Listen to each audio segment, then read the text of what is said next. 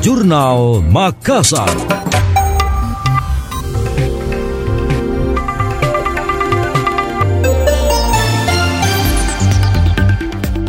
Sejumlah PJ, RT, dan RW mempertanyakan pencairan insentif dari pemerintah Kota Makassar yang diharapkan bisa cair sebelum memasuki bulan Ramadan. Hanya saja di sisi lain, Camat Rapocini M. Aminuddin mengatakan pencairan insentif belum bisa dilakukan. Sebab penilaian kinerja untuk pembayaran insentif RT dan RW belum selesai di kelurahan masing-masing. Hal ini terkait dengan ukuran kinerja, misalnya keaktifan RT dan RW dalam mensosialisasikan dan mewujudkan program pemerintah. Selain itu, peranan para RT dan RW di lorong wisata, penagihan PBB, yuran sampah, dan deretan program lainnya. Dia menjelaskan penilaian itu menjadi acuan untuk pembayaran insentif masing-masing. Jika mereka bekerja maksimal, insentif yang diterima bisa mencapai 1 juta rupiah. Di Kecamatan Rapocini tercatat 575 RT dan RW 107 serta 11 kelurahan.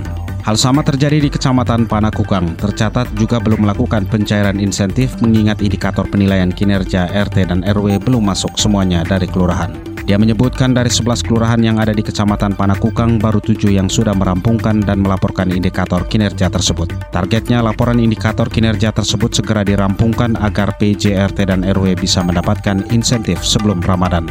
Pemerintah melalui Badan Pengelola Keuangan dan Aset Daerah BPKAD Kota Makassar menyiapkan anggaran sebesar 72,42 miliar rupiah. Anggaran tersebut dialokasikan untuk pembayaran insentif selama 12 bulan atau satu tahun.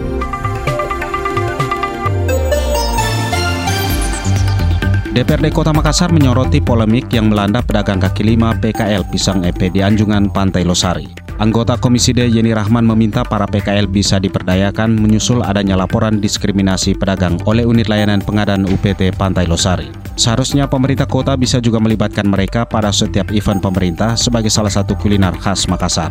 Yeni Rahman mengaku telah meninjau langsung lokasi yang sempat muncul di permukaan saat audiensi beberapa waktu yang lalu.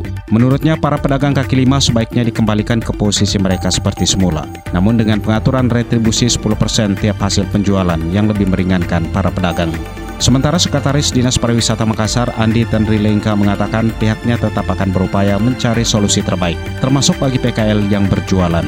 Keberadaan pisang EP juga masuk dalam bagian program promosi yang digalakan melalui program Makassar Kota Makan Enak.